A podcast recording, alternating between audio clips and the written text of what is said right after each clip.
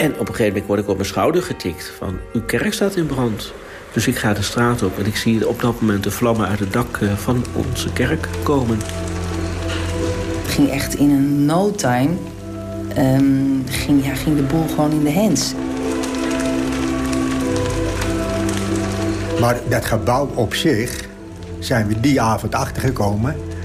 Dat is niet van de katholieken uit het dorp, om het even zwart-wit te noemen. Nee, dat is van de gemeenschap, dat gebouw.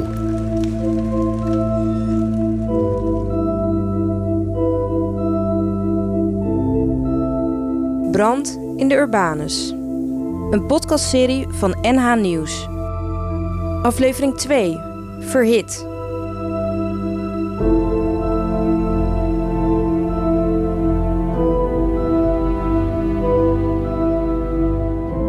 Dramatisch voor Amstelveen. Uh, ongelooflijk, uh, ja, dat, dit gebeurt nu hier. Het is, is een kerk die zo veel betekent, niet alleen voor Bovenkerk, maar voor heel Amstelveen. Als toenmalig local burgemeester Herbert Raad van achter een afzetting toekijkt hoe de kerk in vlammen opgaat, noemt hij de brand direct een drama voor Amstelveen. Maar hoe heeft dit drama zich kunnen voltrekken in een kerk die in de zes jaren ervoor grondig en voor miljoenen euro's was gerenoveerd? En was het schip van de kerk echt niet meer te redden? Of heeft de brandweer fouten gemaakt, zoals veel omstanders dachten? In deze aflevering duik ik dieper in de schuldvraag. Het begon dus allemaal met een bloedhete lichtschakelaar. De vrijwilliger die dit ontdekte wil niet meewerken aan de podcast. Hij heeft de schuld lang bij zichzelf gelegd en vindt het te heftig om alles weer op te rakelen. Officier van dienst Rick Jonkman probeert te verklaren waar het die avond misging. Toen die schakelaar zo heet aanvoelde, wat denk je dat er aan de hand was? Um, ja, dat is op zich wel lastig uh, uh, om daar een gefundeerde uitspraak over te doen. Het enige wat ik me kan voorstellen is die schakelaar wordt warm... omdat daarachter dat mechanisme waar je op duwt iets echt bloedheet aan het worden is. Dus dat, dat duidt op een, een overbelasting of, uh, in ieder geval een slecht contact waardoor je een weerstand krijgt. En die weerstand zorgt ervoor dat iets heel erg heet wordt. En nou zodanig heet dat het uiteindelijk in brand kan vliegen. Maar hoe kan dat dan? Want die kerk die is natuurlijk net gerenoveerd op dat moment. Ja, ja, en dan zou je zeggen, dat is allemaal uh, nieuw, voldoet aan alle eisen. En dat is natuurlijk ongetwijfeld ook zo. Um, ja, wat, wat dan de reden zou kunnen zijn... wil niet zeggen dat dat in dit geval uh, zo was. Maar ja, als jij een schakelaar installeert... en um, je doet dat niet helemaal, uh, helemaal goed... dan kan je uh, bij een overbelasting. Dus als je veel uh, verbruikers do door die schakelaar laat bedienen... dan kan je een soort overbelasting krijgen... waardoor de draad te warm wordt. Een overgangsweerstand krijgt. Ja, en uiteindelijk kan dat ervoor zorgen dat die schakelaar in brand raakt. En dus ook de achterliggende leidingen. De kerk had inderdaad extra verbruikers aangesloten op het elektriciteitsnetwerk. Wat ik weet is dat ze bezig waren om de verlichting uh, te herplaatsen voor een uh, uitvoering die de dag daarna zou gebeuren. Dus ze waren bezig met, met de verlichting inderdaad. Ja. Over belasting van het elektriciteitsnetwerk van de kerk dus, volgens Rick. Al kan hij dat niet met zekerheid zeggen. Ook kan hij niet meer beoordelen of de installatie die door een externe monteur is aangelegd deugde. Verzekeraar Donatus laat de brand naderhand onderzoeken. Maar Clem Venne vertelt mij dat tijdens het onderzoek al snel blijkt dat de stoppenkast volledig is verwoest. Dat zou de enige plek zijn geweest waar het antwoord gevonden had kunnen worden. Het is kortsluiting geweest. En, en hoe en wat en precies of wat dan ook, ja, dat, dat, dat, is niet, dat is, kon men niet meer achterhalen. Uiteindelijk daar waar het is ontstaan, dat is een soort... Uh, paneel waar allerlei lichtkloppen op zitten. Nou ja, na de brand is daar niks meer van teruggevonden.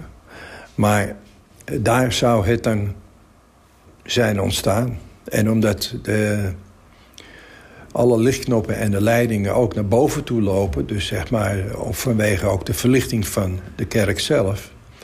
ja, dan zit daar zo een soort koker met kabels doorheen. En als er dan onderaan wat gebeurt, dan gaat het werken als een venturi. En dan, ja, dan zuigt het naar boven toe. En als het dan een vlammetje is, dan gaat het in één keer mee.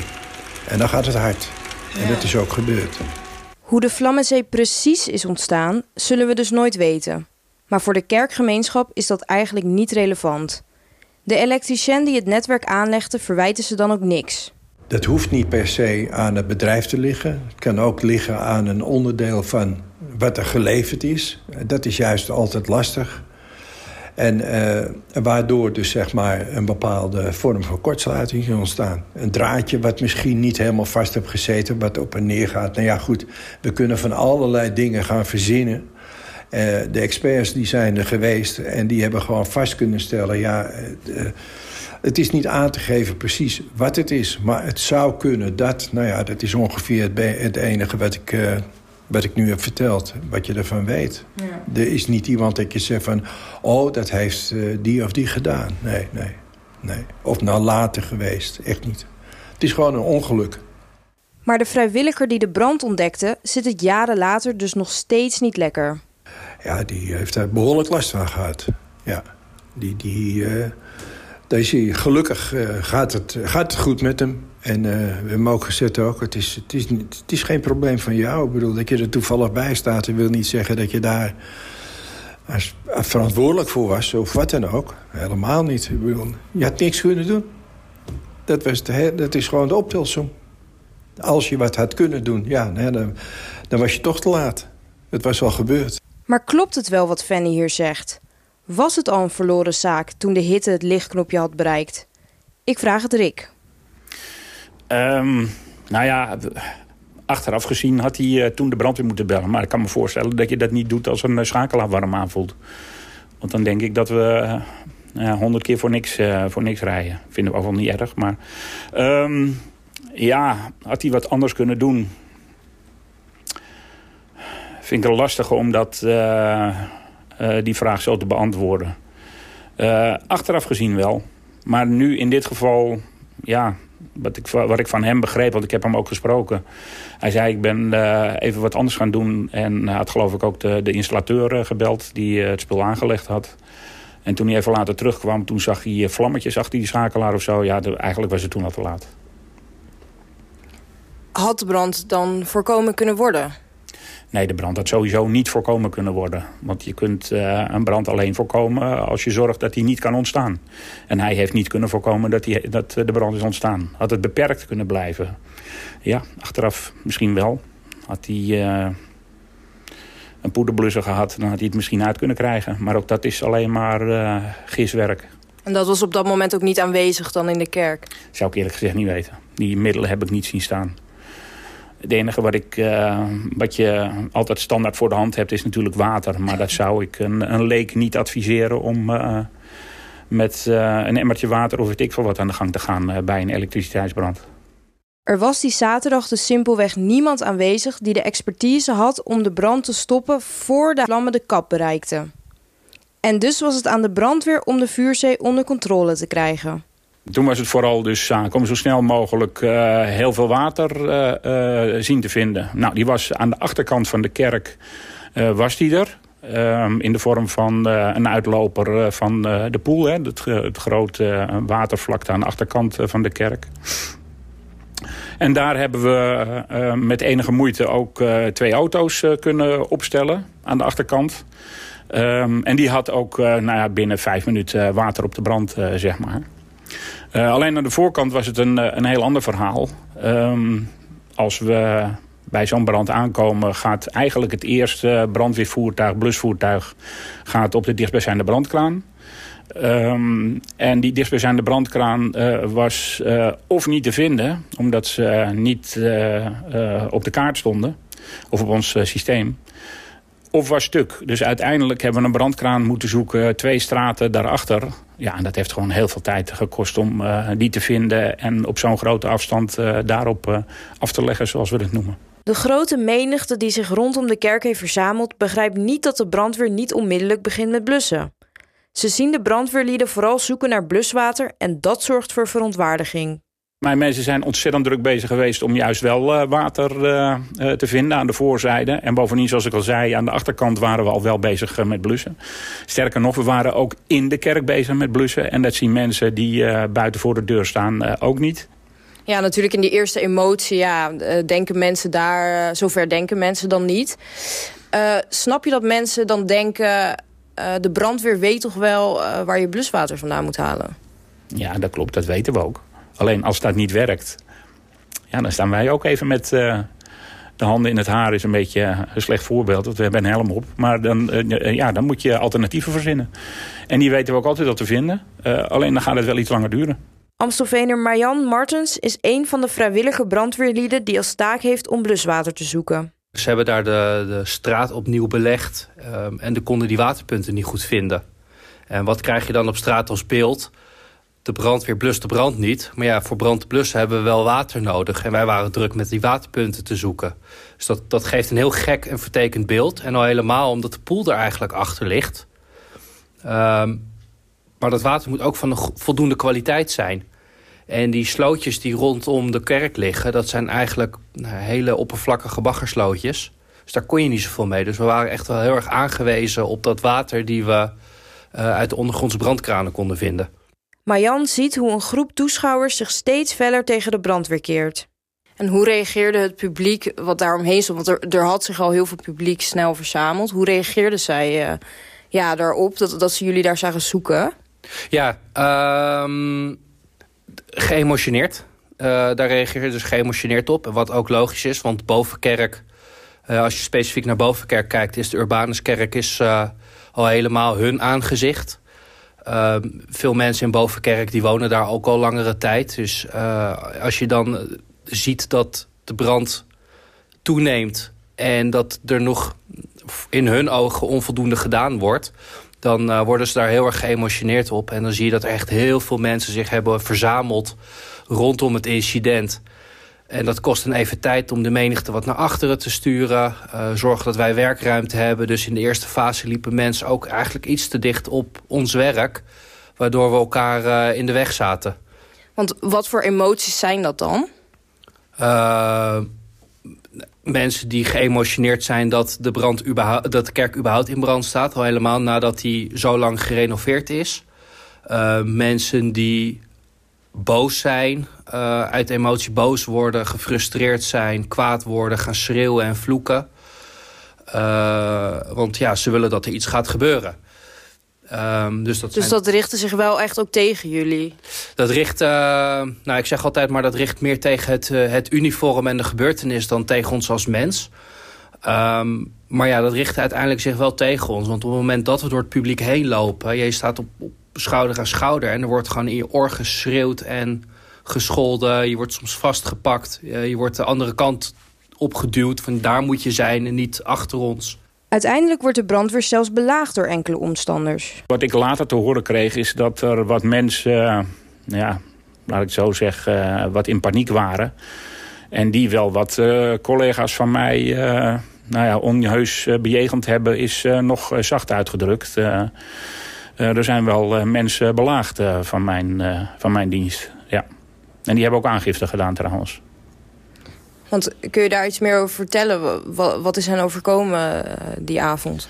Nou ja, wat er precies gebeurd is, weet ik niet. Want ik ben niet bij, uh, bij de aangifte geweest. Maar wat ik weet is dat uh, een van mijn collega's door een hond gebeten is... van een van de mensen die aan de, aan de afzetting stond. Dus dat was, was echt niet fijn. Dat is niet tof.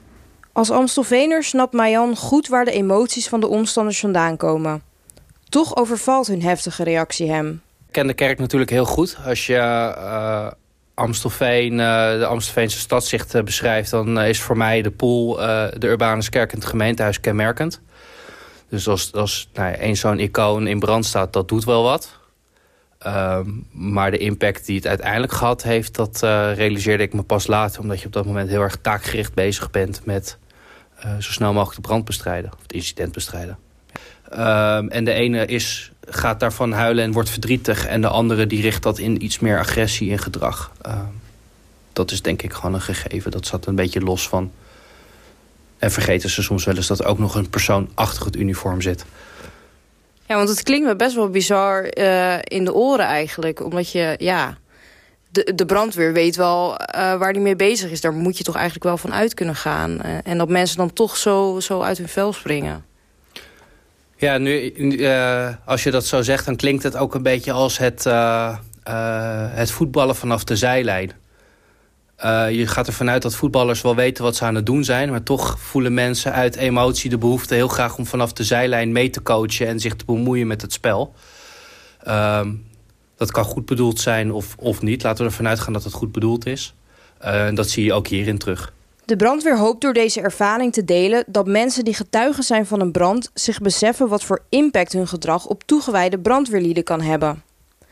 Marjaan legt me uit hoe de bemoeienis van het publiek mentaal kan doorwerken als je onder hoge druk een brand staat te blussen. Die paar seconden die je aan de voorkant wint, die win je in minuten en misschien wel in, in meer aan de andere kant. Want je kunt dan doorwerken, je kunt dan bijvoorbeeld rustig je slangen uitrollen zonder dat die tegen mensen hun been aankomt onbedoeld. Ehm, en dat creëert heel veel rust. Ik kan me ook voorstellen dat je dan later bij het blussen er uh, ja, zelf rustiger in zit. Ja, ook. Ehm, kijk, wat, heel wat mensen denk ik vaak niet beseffen is... je zit in een soort topspanning. Ehm, je staat vol met adrenaline omdat we... Hè, als daar waar anderen weglopen komt de brandweer meestal... En je moet dat gaan opbouwen. En hoe, rust, hoe sneller je in een rustigere omgeving, daar waar het natuurlijk mogelijk is, kunt gaan starten met werken, daar meer profijt heb je daar aan de andere kant van. Want nu kost het zoveel energie en inspanning in die eerste fase, dat het daadwerkelijk blussen en daarna werken, daar, daar heb je gewoon één, één streepje minder voor. Waar hebben jullie uiteindelijk het bluswater uh, vandaan gehaald? Um, nou, wat we gedaan hebben is een paar straten verderop uh, hebben we nog een brandkraan gevonden. Dus daar hebben we een van onze auto's op aangesloten. En daarna, uh, of niet daarna, in de tussentijd heb ik ook al uh, uh, laten komen... waar een behoorlijke hoeveelheid water in zit die eerste klap heeft uitgedeeld. En we hebben ook nog um, twee ja, groot vermogen pompen laten komen, zeg maar. En uh, die hebben er uiteindelijk voor gezorgd dat we aan de voorkant en aan de zijkant voldoende water hadden om de brand aan te pakken en uitbreiding te voorkomen. Want uh, dat is wel eigenlijk uh, het belangrijkste. Uh, en de toren hebben we behouden. En ook ehm, de pastorie hebben we behouden. En wat ik dan wel weer mooi vind is dat de, de kerk, de Urbanuskerk en de pool zijn natuurlijk een beetje onlosmakelijk met elkaar verbonden. En eigenlijk heeft de pool dus een hele grote rol gespeeld in dat blussen. Ja, zeker. Daar hebben we eigenlijk het meeste water uitgehaald. Nou was het wel in het begin nog een dingetje om voldoende water uit die poel te halen. Want onze pompen, ja, die moeten wel een beetje onder water staan. Dus je hebt wel een waterdiepte van uh, 60, 70 centimeter nodig. Uh, die is er niet aan de kant. Uh, maar gelukkig kwam er aan de achterkant net een bootje voorbij gevaren... die uh, ervoor gezorgd heeft dat onze slangen ver genoeg uit de kant gelegd konden worden om voldoende bluswater aan te zuigen. Dus het was wel heel fijn. De brandweer staat die nacht tot een uur of zes te blussen. Een paar uur later krijgen zij een lading kritiek over zich heen.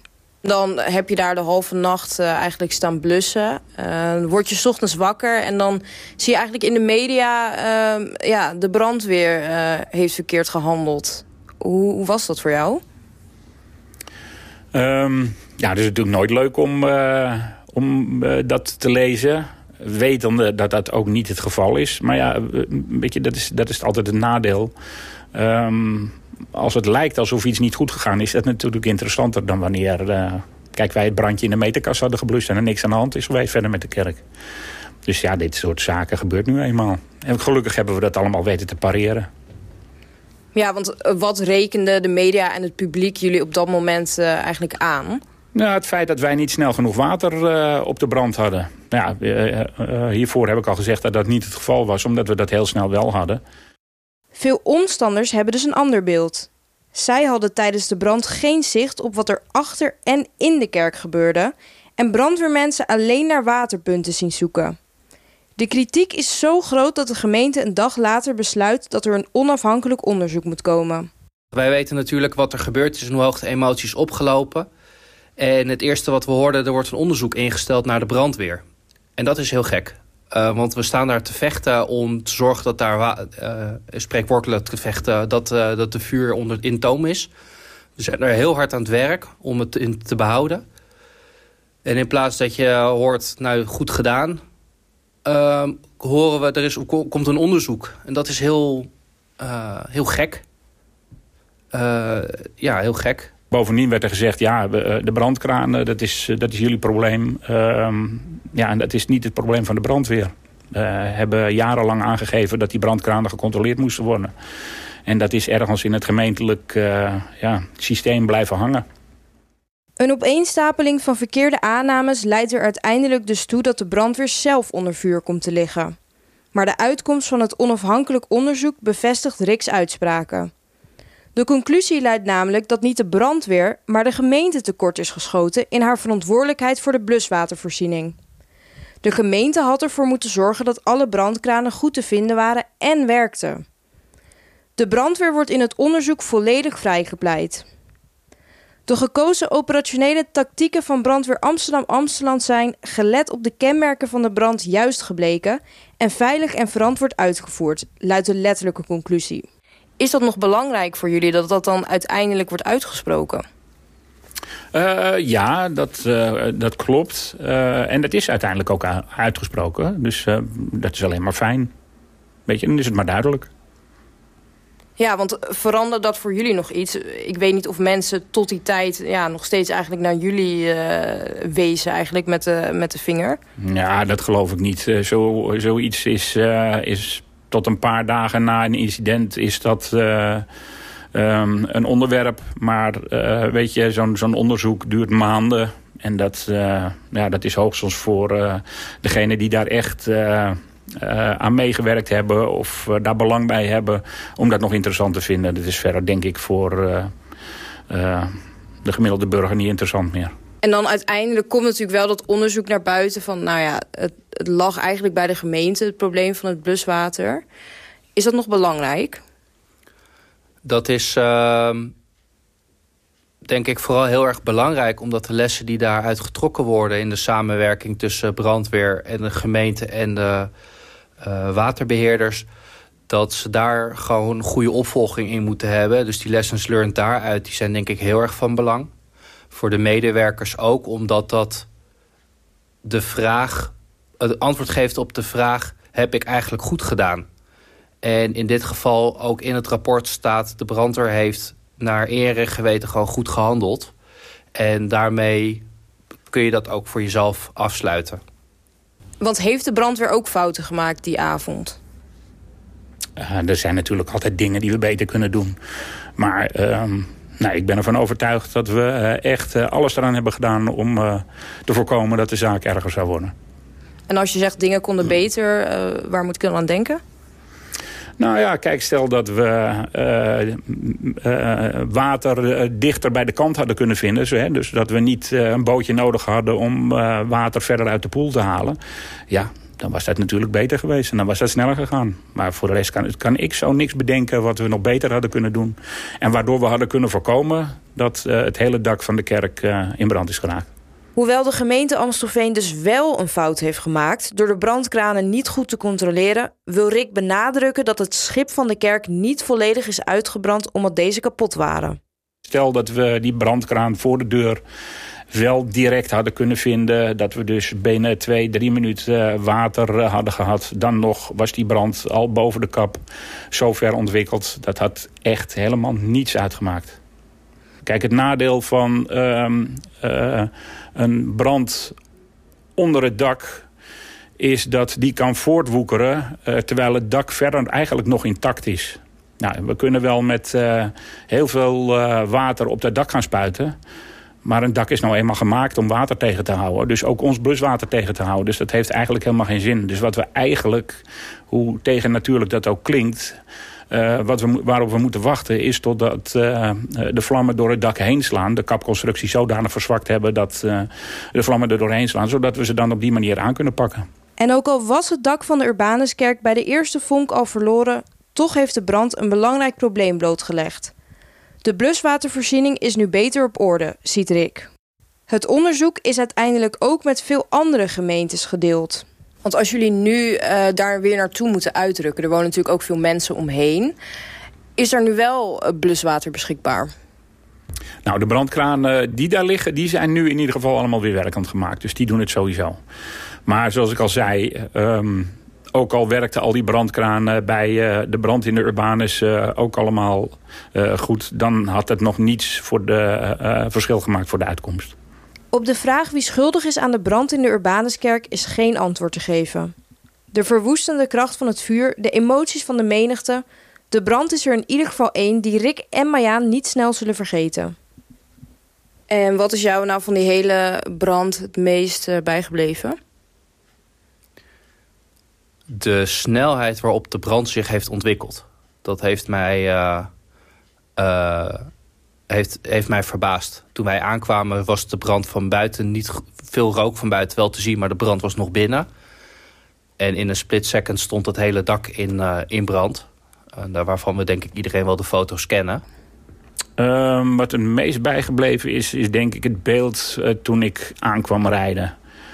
Um, dat ik eigenlijk van meet af aan het, uh, het idee al had van nou dit, uh, dit is eigenlijk een uh, verloren zaak in die zin dat een brand in, de, in de, het schip zelf zouden we nooit kunnen beheersen. Want deze brand die heeft wel meer impact gemaakt dan, dan andere branden, begrijp ik. Waar zit dat hem in? Voor mij wel. Um, en dat zit hem erin dat het op ons eigen grondgebied is. Uh, het is in Amstelveen. Um, het, de toren van Amstelveen, het gezicht van Amstelveen.